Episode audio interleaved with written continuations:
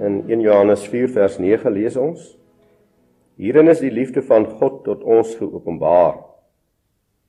Dat God sy enige gebore seun in die wêreld gestuur het sodat ons deur hom kan lewe.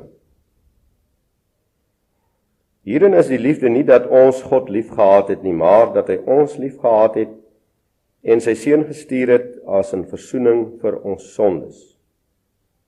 Geliefdes, as God ons so liefgehad het, behoort ons ook mekaar lief te hê. In Romeine 13 vers 10 sê Paulus: Die liefde doen die naaste geen kwaad nie. Daarom is die liefde die vervulling van die wet. Weet jy is ongelooflik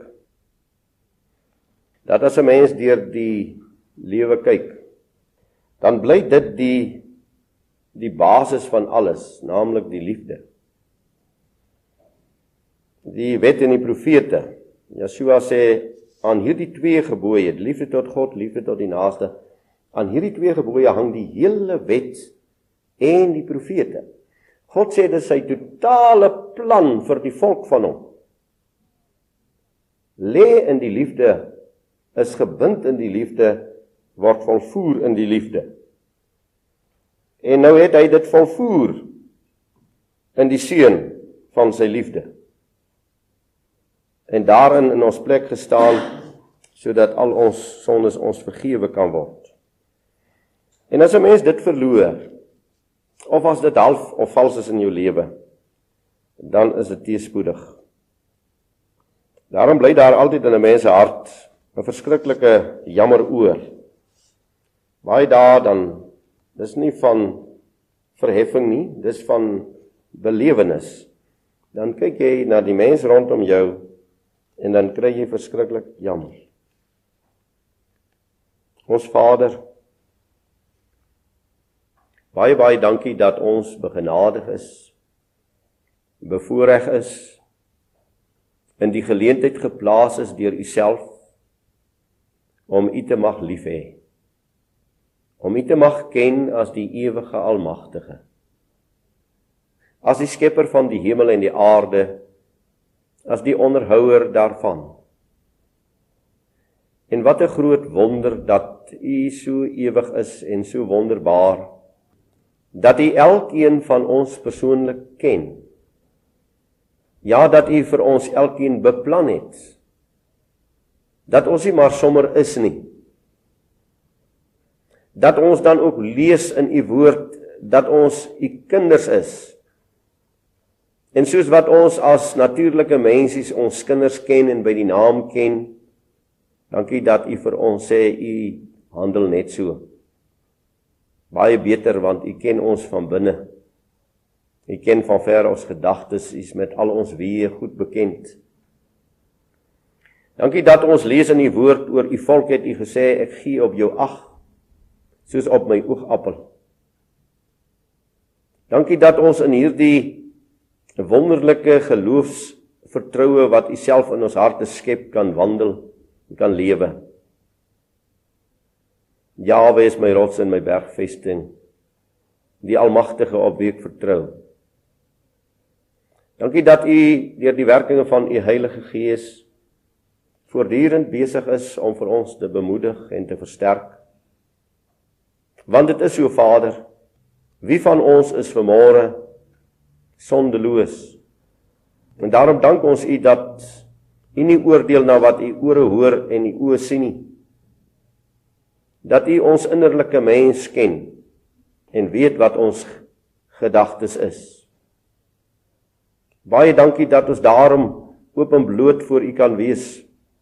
Dat U tog in U groot barmhartigheid vir ons sal vashou in U sterk hande. Dat ons werklik sal begryp Waarom is ons gebonde aan 'n gemeente? Waarom roep U vir ons so saam? Want almal van ons is op pad na die ewigheid. Almal van ons moet U ontmoet in U volle grootheid en heerlikheid. En daarom dank ons U vanmôre vir die kosbare bloed wat reinig van alle sonde kan ons u ja nooit genoeg dank vir die offer aan die vloekpaal. Dankie dat U vergewe. En dat U wegruim en dat U dit so doen dat U vir ons sê ek werk dit in die diepte van die see en ek dink daar nooit weer aan nie. Ons wil vanmôre jubel en juig en roem in die liefde van Yeshua Messia. Want dit is vir ons groot en kosbaar. Dit is ons lewe. Laat u woord vir ons werklikheid en waarheid wees. Laat u woord vir ons die rigsnoer van ons lewe wees. Die lamp vir ons voet, die lig op ons pad. En bewaar ons o Jawe. Bewaar ons daarvan dat ons met u heiligheid en met u grootheid en met u genade nooit 'n spel sal maak nie. Baie dankie vir hierdie saamwees. U naam al die lof en al die aanbidding tot in alle ewigheid. In die koninklike naam Messia. Amen. Prediker hoofstuk 5. Wees nie haastig met jou mond nie. En laat jou hart nie gou 'n woord uitbring voor die aangesig van God nie. Want God is in die hemel en jy op die aarde. Daarom moet jou woorde min wees. Want soos die droom kom deur baie drukte, so die gepraat van die dwaas deur baie woorde. As jy 'n gelofte aan God gedoen het, stel nie uit om dit te betaal nie. Want daar is geen welgevalle in dwaase nie. Betaal wat jy beloof. Dit is beter dat jy nie beloof nie as dat jy beloof en nie betaal nie.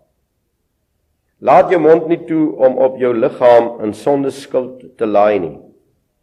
En sê nie voor die gesand van God dit was 'n vergissing nie.